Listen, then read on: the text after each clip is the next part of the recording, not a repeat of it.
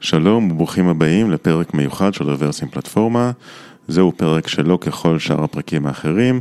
פרק זה הוקלט בכנס רוורסים 2018. האזנה נעימה.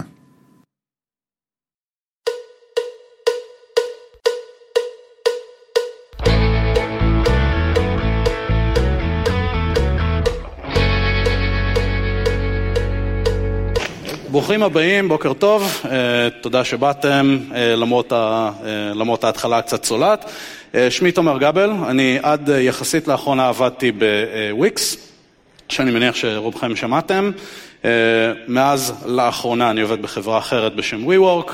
המצגת הזו היא מתבססת על עבודה שעשיתי בוויקס, אז אתם לא תראו יותר מדי לוגוים עליה. That being said, אני רוצה לספר לכם סיפור. אה, כמו כל, אה, כמו כל הרצאה שמתיימרת להיות טובה, ההרצאה הזו מלווה בסיפור, והסיפור הזה הוא הסיפור של Wix ADI, או כמו שאנחנו אוהבים לקרוא לו, עדי. זה עדי. או שכולם כבר ראו את זה, או שכולם לא מכירים את הבן אדם. אה, עצוב. כפיר יהיה עצוב. זה עדי, a.k.a כפיר. לעדי יש חלום. בחלום של עדי הוא יבנה מוצר, המוצר ייקרא ADI, כי זה השם שלו, והמוצר הזה יהיה artificial design intelligence, שאפשר לבוא ולשאול אה, כל מיני שאלות, לבקש כל מיני בקשות, וכל אדם שלא יודע כלום, כן, שאינו אדם טכני, שאינו אה, אדם מנוסה, שלא יודע HTML או CSS או שום דבר מהקללות האלה, יכול לבוא ולבנות אתר, ספציפית אתר לביתר ירושלים, שזו קבוצת הכדורגל המועדפת על עדי. אה, עדי הולך לחקור, ועדי הוא בן אדם די אופנתי, ולכן הוא הולך לכנסים והוא שומע הרצאות, ובכמה שנים האחרונות הוא שומע יותר ויותר על טכניקה שנקראת Event Sourcing, ובהיותו אדם אופנתי ומהנדס אה, משכיל ורציני, הוא מסכים ש-Event Sourcing נראה אחלה, והוא הולך ומתכנן Event Model. עכשיו, מילה וחצי למי שלא מכיר את Event Sourcing, אה, זו טכניקה שבגדול אומרת דבר נורא פשוט, הישויות שלכם, לצורך העניין ה user באפליקציה שלכם, אינו שורה בטבלה שמריצים עליה אפדייטים, זה התאספות של עובדות. נוצר user, ל user נהיה שם, השם השתנה, נוסף אימייל, okay, אוקיי? צוברים את כל העובדות האלה, והסכימה של כל העובדות נותנת את המצב המעניין, את המצב הסופי, את המצב כרגע בשטח. כמו בחשבון בנק שלכם. חשבון בנק שלכם אינו יתרה, חשבון בנק שלכם הוא כל מה שהוביל ליתרה, המשיכות, ההפקדות, ההוצאות וכן הלאה. זה Event Sourcing in a nutshell, לא הולך לדבר על זה הרבה. אה, עדי רוצה לבנות את המערכת שלו, את Wix ADI, והוא uh, מייצר Event Model. ה-Event Model הוא די פשוט. Okay, אוקיי? עדי זה ADI זה Website Builder, הולכים, בונים שם אתרים, מה יכול לקרות לאתר? בסדר, לאורך ה-life cycle של אתר, אתר יכול להיווצר, הוא יכול לקבל שינויים תוך כדי העריכה שלו, אה, הוא יכול להיות מפובלש, זאת אומרת באיזשהו שלב ה user הגיע למסקנה שהאתר מספיק מעניין, אפשר להעלות אותו לאוויר, בום, לוחץ כפתור, האתר עולה לאוויר. והאתר יכול להיות מחוק או archived, בסדר? soft delete, תקראו לזה מה שאתם רוצים, כי האתר סיים את עבודתו, או כי uh, ה user לא מרוצה מהשירות ולכן הוא הולך הביתה, ולפעמים קורה טעות, בסדר? לפעמים ה user נכנס ל editor, היוזרים הם, היוזרים ספציפית במוצר הזה הם אנשים לא מאוד מתוחכמים, לא בדיוק יודעים מה הם עושים, הם עושים טעויות, הם מוחקים עמודים, הם משנים דברים, הם מעקמים את כל ה design של האתר שלהם בלחיצת כפתור בלי להבין מה הם עשו. ואז הם מתקשרים בפאניקה ל tech support ואומרים, היי, דפקתי, תעזרו לי, אז צריכה להיות אפשרות לעבור לגרסה קודמת של האתר, לכן יש לנו את ה event שנקרא Restored. אלה סך הדברים שיכולים לקרות לאתר אינטרנט ב context הזה, לאורך כל ימי חייו. עדי הוא מהנדס, יש לו event model, צריך איכשהו לממש אותו. אז הוא הולך, מייצר טבלה ב database שלו, MySQL במקרה דנן, אבל זה לא באמת משנה, וממדל מה זה אומר Event Stream ב database? Event פר שורה, יש לנו איזשהו site ID או המזהה של הישות שעליה קיים Event, מהו ה timestamp של ה event, שזה גם המספר גרסה, על בסיס זה אנחנו אה, מסדרים את ה event ים in order, event type ואיזשהו payload. בסדר, ה payload הזה תלוי ב-event type. אם האתר נוצר, זה עולה metadata על ההיווצרות של האתר. אם זה שינוי, זה כנראה diff, דלתא, whatever. מגניב, יש לנו Event Model, יש לנו מודל ב database, עד עכשיו זרקתי ערימה של דברים על השולחן, עוד לא אמרתי כלום. והמערכת רצה ב production, ודברים רעים מתחילים לקרות. המערכת חיה ב production, up and running, חודש, חודשיים, עשרה חודשים, ופתאום כל מיני support tickets מתחילים להצטבר. פתאום מקבלים כל מיני קריאות, מקבלים כל מיני אינדיקציות על בעיות, וכשהולכים לחקור אותם, מגלים דברים כאלה. איבנטים נרשמו out of order, כמו בדוגמה להלן, אתר נוצר, אתר נמחק, ואז היה שינוי על האתר. זה invalid state, אוקיי? לא יכול בעיקרון להיות שינוי על אתר שכבר נמחק. בסדר? האינווריאנטים המערכתיים, ההנחות שהמערכת מבוססת עליהם, אומרים שהמצב הזה לא יכול לקרות. הדיזיין של המערכת אמור להבטיח שמצב כזה לא יכול לקרות. And yet המצב הזה קורה. עכשיו, אינטראפט זריז, אני אשמח להרמת ידיים בקהל. למי כאן הייתה את החוויה של לקבל support ticket, להיכנס למערכת, ל-MySQL client או למה שלא יש שאתם עובדים איתו, להסתכל על הדאטה ולהגיד, הא, איך זה קרה? כן, אני חושב שאם אני אחכה קצת, שאנשים שלא קלטו, שאלתי שאלה, יתעוררו, אז כל הידיים יהיו באוויר. זו חוויה אוניברסלית, בסדר? אין מהנדס או מהנדס תוכנה עם מערכת production שלא חווה את התופעה הנפלאה הזו פעם ב... אמ, וזה קורה לעדי, ועדי לא מרוצה.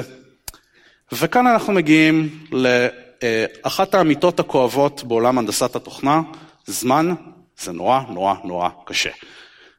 אנחנו נקשר את שני הדברים, אוקיי? Okay? אבל כל התופעות שראינו כאן קשורות לשימוש לא נכון בקונספט של זמן. קצת רקע, אוקיי? Okay? אמרתי, נתתי קצת backdrop של סיפור, יש לנו uh, את הכותרת הנפלאה הזו, בואו נדבר על מה זה זמן. ניקח הגדרה מילונית, ואני יכול לקרוא את כולה, אבל כולה לא מאוד מעניינת. מה שמעניין זה להתייחס לשלושה אה, משפטי או ביטויי מפתח הבאים. זמן הוא מערכת שהיא רציפה ומגיעה לקצה היקום, אוקיי? עד שהיקום מתקרר ולא יהיה יותר על מה לדבר, זמן ממשיך. ובמערכת הזו מתקיימים אירועים שקורים אחד אחרי השני. אוקיי? אלה המשפטי מפתח שאני רוצה אה, שתשימו אליהם לב, כי הם יובילו אותנו למסקנות מעניינות לגבי המערכת שעדי בנה, ואיך לתקן את הטעויות שהוא עשה. כמו כל דבר, בהנדסת תוכנה או בהנדסה בכלל, אנחנו לא יכולים פשוט לדבר במונחים מעורפלים ולקוות לטוב. או אנחנו יכולים לנסות את זה, אבל דברים רעים יקרו. Okay, אוקיי? זמן זה מונח מדויק, יש לו משמעות, הוא dependency של מערכות מחשב. לא רגילים לחשוב על זה במונחים האלה. Okay, אוקיי? אבל כל פעם שאתם מייצרים timestamp, יש לכם dependency שאתם כנראה מתעלמים ממנו על איזשהו clock. Okay, אוקיי? זה ישות בת קיימא במערכת שלכם. Uh, לכן צריך מודל, okay, צריך איזושהי אפשרות הנדסית להתייחס לקונספט של זמן במערכות תוכנה שלנו. ובגדול, כל סוג שהוא של התייחסות לזמן במערכות מחשב, זה איזשהו מודל שנראה ככה. Okay, אוקיי? זה אה, נגזר משני דברים, איפוק, רזולוציה. איפוק זה תחילת הזמן, okay, אוקיי? זה הנקודה הראשונה הזו בציר הזמן מבחינת המחשב. Okay, אוקיי? המחשב לא מעניין אותו מתי היקום התחיל, מעניין אותו מתי הוא נדלק. תחילת הזמן מבחינת המעבד שלכם זה כשהוא קיבל בזט של אלקטרונים, איך שהדלקתם את הסוויץ'. הדבר השני שמעניין זה הרזולוציה. Okay, אוקיי? הרזולוציה זה נפח הזמן או כמות הזמן בזמן אמיתי שעוברת בין אה, שתי נקודות שמבחינת המחשב הן שונות. יש לנו אה, בייצוג הזה שני, שני דברים להתייחס אליהם. דבר ראשון נקרא אינסטנט. בסדר, כשיש לנו אירוע, אירוע קורה, מישהו לחץ על כפתור, user לחץ עשה submit ל form, לא משנה מה. האירוע הזה קורה באיזושהי נקודה במה שאנחנו כבני אדם אוהבים לקרוא לו זמן אמיתי. מבחינת המחשב, הנקודה הזו מתמפה לאינסטנט, שזה ה epoch פלוס כמות מסוימת של טיקים, אוקיי? טיק טוק, טיק טוק, כמו בשעון. הרזולוציה קובעת כמה זמן המחשב רואה בכלל בין טיק לטיק. ברוב המערכות הפעלה שאנחנו מכירים, Windows מודרני, Unix מודרני וכן הלאה, עם כמה יוצאי דופן מאוד מאוד אזוטריים, הרזולוציה של השעון שהמחשב שלכם מכיר היא 100 nanosecond. אוקיי? מאה nanosecond בין טיק לטיק לטיק לטיק. זה אומר שאם יש לכם שני אירועים שקורים בתוך אותו חלון זמן של 100 nanosecond, אגב, 100 nanosecond זה 0.1 microsecond, שזה כמות עוד יותר קטנה של millisecond, אוקיי? זה, זה כמות זמן מאוד מאוד מאוד קטנה. אבל עדיין יש שם איזושהי כמות זמן. מה שאומר שאם שני אירועים קורים בתוך אותו חלון זמן, יהיה לנו קונפליקט. אוקיי? מספיק ש user לחץ בטעות פעמיים על כפתור submit, ובגלל הטבע האסינכרוני של הרשת שאתם אה, יושבים עליה, בסדר? עד שהמחשב עיבד את הקליק, ויצא HTTP request, והתפרק ל-TCP packets, והם עברו את כל מסלול החתחתים שמביא מהאייפון של ה user שלכם אל ה server שלכם שיושב באמזון, אוקיי? בהחלט יכול לקרות ששני האירועים האלה יגיעו בתוך אותו חלון זמן של 100 nanosecond. כי במקרה אחד מהם יתעכב מספיק זמן. אוקיי? זה קורה כל הזמן. ובגלל זה, כשממדלים אה, ממדלים ורז'נים על בסיס timestamps, okay? כשאני, כשאני קובע ששני אירועים, הסדר ביניהם נקבע על בסיס ה timestamp, בהחלט יכול להיות שיהיו לי שני אירועים עם בדיוק אותו timestamp. למרות שכבני אדם אנחנו אומרים, זה לא יכול להיות, אחד בהגדרה קרה אחרי השני. נכון, אבל למחשב אין את הרזולוציה הזאת, בסדר? הוא מקבץ את שניהם לאותו אינסטנט, ולכן יש לנו קונפליקט. זה הבסיס. כל ייצוג של זמן במערכות מחשב נראה roughly ככה. ויש פה אה, שני דברים שצריך להכיר, שמסבירים הרבה מהתופעות המעניינות שאנחנו יכולים לראות אה, במערכות production. השאלה הראשונה היא איך עושים לזה bootstrapping. בסדר? המחשב לא מכיר את העולם מסביבו. Okay? אוקיי? כשאתם מרימים את ה switch וה server שלכם עושה boot-up, לא משנה מי מרים את ה switch, המעבד מקבל זרם, הוא לא יודע שעכשיו, היום, whatever, בתאריך כזה וכזה, בשעה כזו וכזו, אין לו מושג. Okay? אוקיי? צריך להגיד לו את זה. כל מה שהוא יודע זה שעכשיו התחלתי מבחינתי, כרגע זה נקודת אפס, ממנה אני מתחיל לספור. צריך לכייל את נקודת האפס הזו, אה, וזה נקרא bootstrapping של השעון.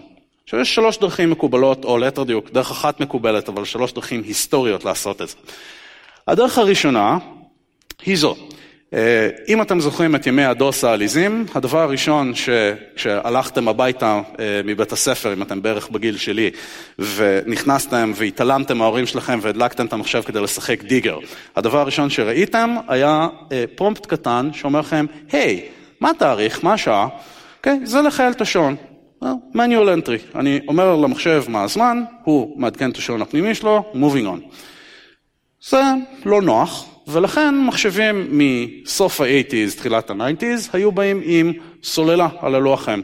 כל התפקיד של הסוללה הזו, יש לה שני תפקידים, התפקיד בקונטקסט הזה, זה לשמור על השעון חי. כן, המחשב חושב שעכשיו השעה 10, הסוללה תדאג שבפעם הבאה שאני אדליק אותו, הוא יזכור שעכשיו השעה 10 פלוס כמה שלא יהיה שהוא ספר מאז. שני הדברים האלה אנכרוניסטים להחריד, אף אחד לא עושה אותם. היום כשאתם מדברים על bootstrapping, על לכייל מחשב, מי שרוצה לזרוק את המונח המתבקש, מתחיל ב-N, NTP, כן. אז אה, NTP זה תרופת הפלא שמונעת מאיתנו את הצורך להתייחס בכלל לעובדה שלמחשבים שלנו יש שעון, אוקיי? לכאורה, אנחנו עוד נחזור לזה. אז יש לנו מודל, יש לנו דרך להתחיל את, ה, אה, להתחיל את השעון, לחייל אותו, עכשיו השאלה איך מעדכנים אותו. Okay, אוקיי, בסופו של דבר, יש לנו, אה, אמרנו שיש לנו את האיפוק, יש לנו רזולוציה, 100 ננו-סקנד, וכל 100 ננו-סקנד המעבד צריך לספור. טיק, טיק, טיק, טיק. משהו צריך לתת למעבד את האינדיקציה שהגיע הזמן לספור. המשהו הזה הוא אה, crystal, okay, אוקיי, ממש גביש, שיושב לכם על לוח האם, כל התפקיד שלו בכוח זה להוציא את ה signal הזה פעם ב-100 nanosecond. אוקיי? כל עוד הוא מוציא signal פעם ב-100 nanosecond, המעבד מקבל אותו, מעדכן את ה counter הפנימי, all is well. רק שזה לא עובד כל כך טוב. אוקיי? או ליתר דיוק זה עובד נפלא, אבל זה לא מושלם. כי אה, לשעונים, אוקיי? לקריסטלים, לשעונים במחשב, יש מה שנקרא clock drift.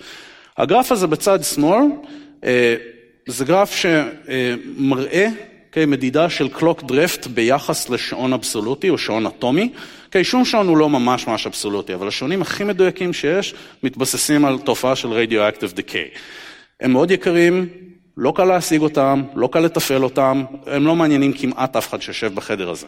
למעט שאם יש לכם כזה, ואתם לוקחים את המחשב שלכם כמו שהוא, okay, אוקיי, ופשוט משווים מה השעה שהמחשב אומר מול מה השעה שהשעון האוטומי אומר בעת ובעונה אחת, אתם תגלו שיש לכם הבדלים, לפעמים למטה, לפעמים למעלה, שיכולים להגיע ל-200 מיקרו, 200 מיקרו סקנדס. 200 microseconds זה לא כזה מלא זמן, במיוחד כשאתם חושבים על חלונות רזולוציה של 100 nanoseconds, זה אפילו פחות. כן, זה לא נשמע הרבה. אבל הדברים האלה גם מצטברים. זאת אומרת שאם יש את החוסר דיוק הזה בכל רגע נתון, אז לאורך הרבה זמן החוסר דיוק הזה הולך ונהיה יותר ויותר משמעותי. זה אומר שאם אתם תיקחו את הלפטופ שלכם, תתחילו את השעון שלו מושלם, בצורה שהיא, שיהיה מדויק לחלוטין למול השעון שיש לכם על היד, ונניח שהשעון שלכם על היד היה שעון אטומי דובר אמת תמיד, והולכים לישון. אתם באים ללפטופ בבוקר, ההבדל יהיה כמות מסוימת של זמן, נגיד שני millisecond. אתם הולכים לישון שוב לחודש, חוזרים ללפטופ, פתאום ההבדל מתחיל להיראות כמו שני millisecond, שמונה millisecond, מספרים שהם מעניינים, אוקיי, עשר millisecond, מאה millisecond, שניות. ככל שהתקופת זמן הזו יותר גדולה, מצטברת יותר שגיאה. ויש הרבה גורמים לזה, אוקיי? יש הרבה דברים שמשפיעים על הקלוק דריפט. אם זה נשמע כמו תופעה שאפשר להקטין לאפס, אז לא באמת, כי מספיק שיהיו שינויים מאוד מאוד עדינים במתח שהפאר סופליי בשרת מוציא. או שינוי טמפרטורה, מה שאגב כל הזמן קורה, כי המעבד מתחמם ושאר הרכיבים מתחממים ומתקררים בהתאם ללואוד. כן, אלה דברים שמאוד מאוד קשה לשלוט בהם. המסקנה מכל הג'נקייה הזו זה שאי אפשר באמת להניח דיוק מוחלט של ה-runtime clock. יש אי דיוק מובנה במדידת שעון שאתם מקבלים מהסרבר שלכם, מובנה. תזכרו את זה, כי זה הולך להסביר חלק מהתופעות שראינו וחלק מה... אה, ולבטל חלק מהפתרונות שהייתם מוצאים לבעיה הזו אה, אם הייתם חוקרים לפני 50 שנה. העובדה ששעונים מקבלים דריפט, העובדה שאי אפשר לסמוך על שני שעונים מסונכנים להישאר מסונכנים לאורך זמן, מייצרת לנו בעיה הרבה הרבה הרבה יותר קלה להבנה, in a sense, והרבה יותר חמורה בעולם שלנו, שהיא בעיה של distributed time. עכשיו, אמרנו, יש לנו מערכת שהיא event sourced, okay? אוקיי? יש לנו כמה קליינטים, הם מייצרים איבנטים. האיבנטים האלה הולכים על איזשהו message bus, נרשמים ל-message store. Okay, מגניב. מי מייצר זמן? Okay, כשנוצר איבנט, מי קובע את הזמן שלו? תזכרו שיש לנו פה, תוך התעלמות מוחלטת מהמון המון דברים שקורים בין לבין, יש לנו פה ארבעה קליינטים ואיבנט סטור. לכל אחד מהם יש שעון. כל אחד מהם זה שרת משל עצמו עם שעון משל עצמו. ואמרנו בהגדרה ששעונים, גם אם מסנכרנים אותם במדויק עכשיו, תוך כמות זמן נתונה הם כבר לא מסונכנים. האופציה הקלה היא שמי שמייצר את ה event קובע לו את ה timestamp. Okay, אוקיי? הולכים בג'אווה לצורך הדיון ל System current time millis או nano time או מה שלא יהיה, okay, אוקיי? וכל client שמייצר event, שם עליו timestamp, זורק אותו אל ה event store. אם, אה, אם השעונים אפילו קצת לא מסונכנים, וה event rate הוא אפילו קצת גבוה, יכול להיות לנו מצב מאוד מאוד לא נעים, שבו השעונים שצריכים להיות מסונכנים אינם מסונכנים, ולא רואים את זה כל כך בהשוואה לקודם, החצים מתהפכים. זאת אומרת, איבנטים מתחילים להגיע לנו out of order. למה? סתם, בגלל clock drift. אפילו אם סנכרנו אותם ב-100%, sooner or later, איבנטים יתחילו להגיע out of order. זו בעיה. אפשרות שנייה, חסרה לי אפשרות אחת, אני לא יודע, משהו התפקשש ב-PDF אקספורט, סליחה. אפשרות שנייה היא שה-Event Store ייצר את זה, אוקיי? פתרון מקובל ומאוד מאוד אה, קל לכאורה, זה שאם ה-Event Store שלי, MySQL או PostGRES או משהו בסגנון הזה, אני פשוט מייצר את ה-Timestamp שם, אוקיי? עם פונקציית Now או, או עם Timestamp Data Type. זה יכול לעבוד עד שנתקלים במגבלות של סינגל דאטה סטור. במילים אחרות, עד שנתקלים במגבלות scalability. כי, מה לעשות, instance אחד של MySQL הוא אה, לא מספיק כדי להחזיק את רוב המערכות production. אפשר להתווכח על זה, זה נכון גם לגבי פוסטגרס. רוב המערכות, אה, רוב המערכות data stores המודרניות שאנחנו עובדים איתן בכלל clustered. זה לא שרת אחד. זה cluster של Elasticsearch, זה cluster של מה שלא יהיה, בכל מקרה יש שם כמה runtime clocks. מה שאומר שאו שאנחנו מעבירים את כל הייצור של טיימסטמפים ל... בדיוק מכונה אחת ומייצרים בעיית scalability, וגם אז, בגלל האי דיוק המובנה בשעון, לאו דווקא לחלוטין פותרים את הבעיה, או שאנחנו מפזרים את הבעיה, פשוט מעבירים אותה מצד אחד של המתרס לשני. במקום לייצר אצל הקליינטים, נייצר אצל, לא יודע, ב-Elastic Search Cluster, ויש לנו את אותה בעיה פשוט בדאטה סטור. אז זה לא באמת פותר את הבעיה.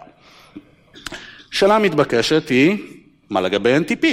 NTP, למי שלא מכיר, Network Time Protocol, חתיכת הנדסה מדהימה שגורמת לזה שכשיש לכם מחשב או לפטופ או טלפון או God forbid איזשהו IoT device שלא יודע, שולט על רמות החמצן בחדר או משהו, אז כשהוא מתעורר והוא צריך לדעת מה השעה, הולך לאיזשהו שרת NTP באינטרנט, עושה קסמים, מייצר שעה, וזה יוצא די מדויק. כמה מדויק? כ-10 מיליסקנד. מאוד מאוד מאוד קשה אגב היה למצוא את המספר הזה. 10 מיליסקנד זה לא good enough. בסדר, 10 מיליסקנד למערכות מחשב, אנחנו כבני אדם רגילים לחוות אירועים בקבועים של 100 מילי. בסדר, אם עשיתי כזה, בהנחה שמעתם את זה בכלל, אתם לא קלטתם ששמעתם את זה עד שעברו סדר גודל של 100 מיליסקנד. אנשים נורא זריזים, 20 מיליסקנד. אנשים נורא איטיים, שמיים הם הגבול. בסדר, אבל אלה בערך הקבועי זמן שלנו. למחשבים אין את המגבלה הזו. הם יכולים לצבור איבנטים בקבועים של מיליון איבנטים בשנייה, אין למחשב בעיה. אוקיי? Okay? אז 10 מיליסקנד זה מאוד מרשים כשחושבים על זה, אבל זה לא good enough. בקיצור, נדפקנו. בסדר? זמן זה דבר בעייתי שקשה לעבוד איתו. במילים אחרות, כל אסטרטגיה שנשים בשטח כדי להשתמש בראנטיים קלוק של המחשב שלנו, נועדה לכישלון מצער. Okay, אוקיי? ולכן כל הניסיונות שהם לא מאוד מאוד מאוד יומרניים, כמו ספאנר של גוגל, להתמודד עם הבעיה הזו בכלל, הם פשוט בזבוז זמן. בסדר? בזבוז של הזמן שלכם, של הבוס שלכם, בזבוז של הכסף של החברה שלכם. אז בואו נפסיק. נחזור לרגע להגדרה המילונית של זמן שהתחלנו איתה, והפעם אני רוצה שתתמקדו במשפט האחרון. והסיבה שאני רוצה שתתמקדו במשפט האחרון, זה כי הוא משפט מפתח שאפשר לנו לצאת מהברוך. מערכת אינסופית ורציפה, בלה בלה בלה, שבה אירועים באים בסדר מסוים. אירועים באים אחד אחרי השני. Okay? זה משפט מפתח שעל בסיסו אנחנו נוכל אה, לקחת את, ה, את השאלה שהתחלנו איתה, של מה גורם לבעיות האלה, איך פותרים, ולהמיר אותה לשאלה שאנחנו כן יודעים להתמודד איתה.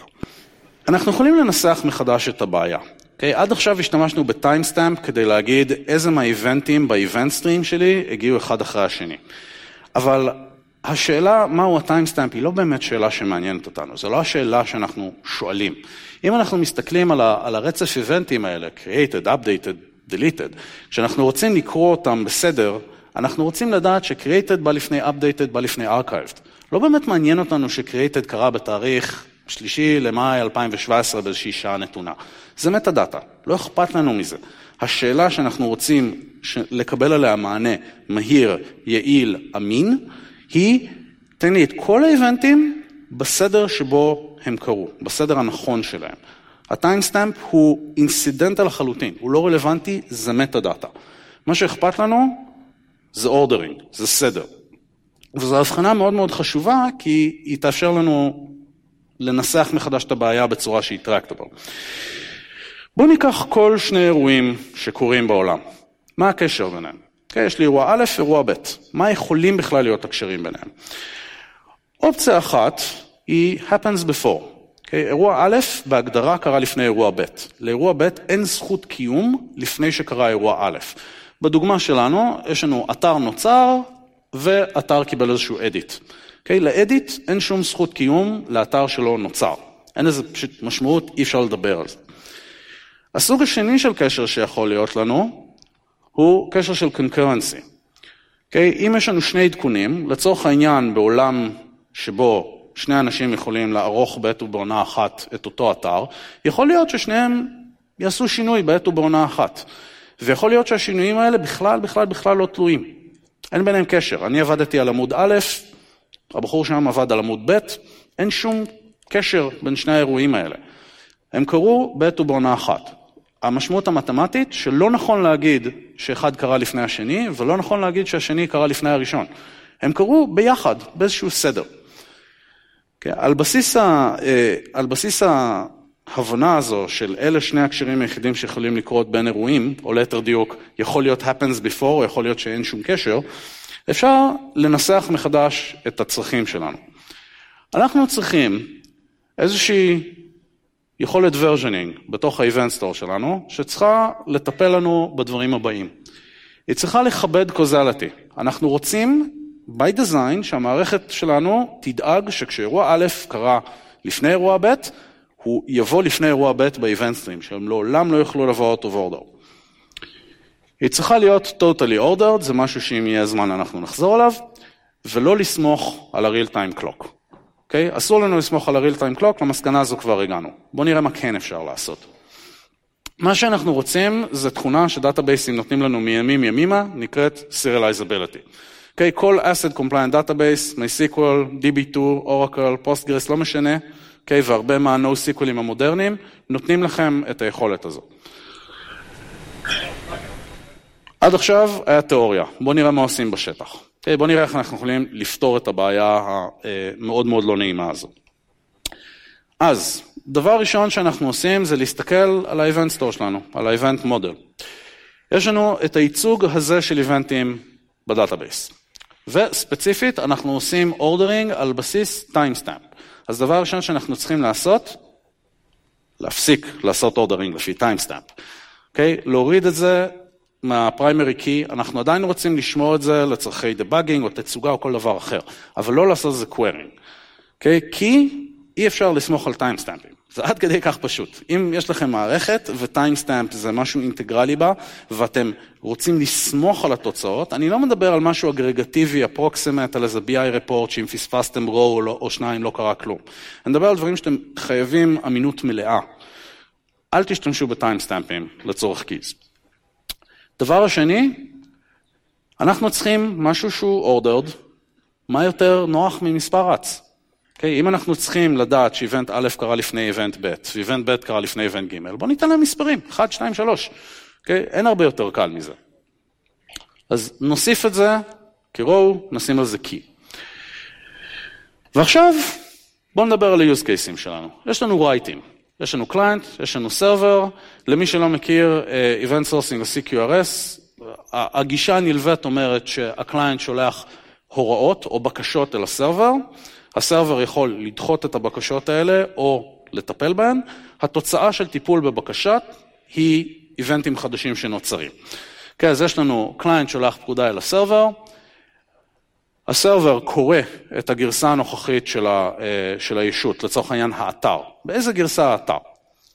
קח את הגרסה הזו, נקרא לה V0. מטפלים בפקודה, מייצרים את האיבנטים שנוצרים מהפקודה. לצורך העניין, אם הפקודה היא, היי, hey, save מהאדיטור, הנה הדלתא, לוקחים את הדלתא, שמים אותו על איבנט שנקרא updated, מייצרים event חדש עם מספר גרסה שהוא V0 פלוס 1 פלוס 2 פלוס 3 וכן הלאה. מייצרים סדרה של איבנטים. וכותבים אותם אטומית ל database. עכשיו, שימו לב שאמרתי אטומית, לא טרנזקציונית, בהרבה מקרים אפשר להימנע מ full-blown transaction אם uh, ה database שלכם מבטיח ש- batch writes קורים בסדר שבו הם ניתנו, ואז כתבתם event v1, כתבתם event v2 וכן הלאה, הכל ב-batch, event v1 כשל, הפיל את כל, ה, uh, את כל הכתיבה. אוקיי? אז לא תמיד חייבים טרנזקציות, לפעמים כן. אבל לכתוב את כל האיבנטים בצורה אטומית לדאטה סטור, ואז כרגיל יש את האפשרויות. הצלחנו או כשלנו. הצלחנו, מעולה. סגרנו הכל, אנחנו יודעים שהמספר גרסה החדש של האתר הוא VN, שולחים חזרה לקליינט, סיימנו את העבודה שלנו. כשלנו. איך כשלנו? בדרך כלל זה יהיה בגלל primary key violation. הדבר הזה הוא בעצם optimistic lock failure. Okay, אוקיי? כתבנו איבנטים חדשים בזמן ש... קליינט אחר ניסה לכתוב איבנטים חדשים, יש בינינו רייס, אבל תמיד מישהו מנצח ותמיד מישהו מפסיד.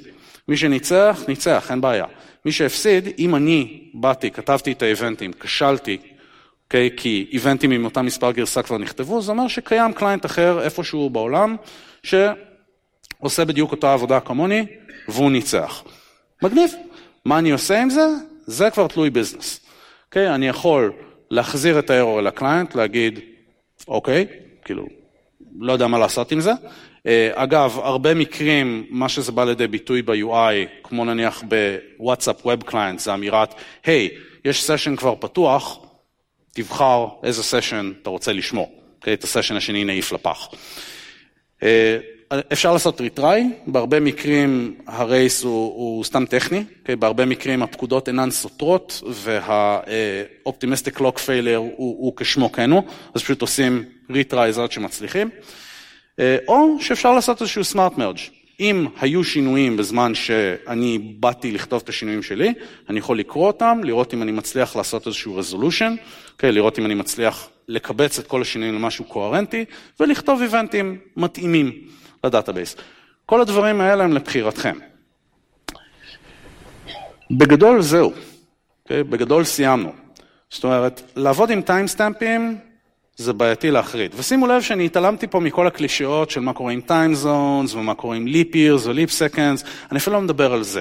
אני מדבר על שימוש בטיימסטמפים אה, כמנגנון versioning, כמשהו שאפשר לעשות עליו querying, זה מאוד מאוד מאוד קשה to get it right. כל כך קשה שגוגל בקושי מצליחים והם זרקו על זה המון המון המון משאבים. בסדר? כמה ספאנרים יש לנו בעולם? כמות סופית קטנה. כנראה קטנה משתיים. Okay, אוקיי? אז אל תנסו, זה לא בעיה שהיא טרקטבל. עזרנו לעדי לפתור את הבעיות שלו. אוקיי? לעדי יש עכשיו מערכת שהיא event sourced, שהיא אה, שבויה, שהיא אמינה, שלא יהיו בה איבנטים out of order, לא יהיו בה קונפליקטים, היא עובדת. אה, ובזאת, לפני שנסיים, אה, בבקשה סב מחיאות כפיים לכוכב ההצגה, כפיר בלוך. ולוויידס שצילם את התמונות. אה, עקב הבלגן, אין כל כך זמן לשאלות. אני אהיה פה, אני אשמח לעזור למי שרוצה לענות שאלות. תודה רבה לכם, יום טוב.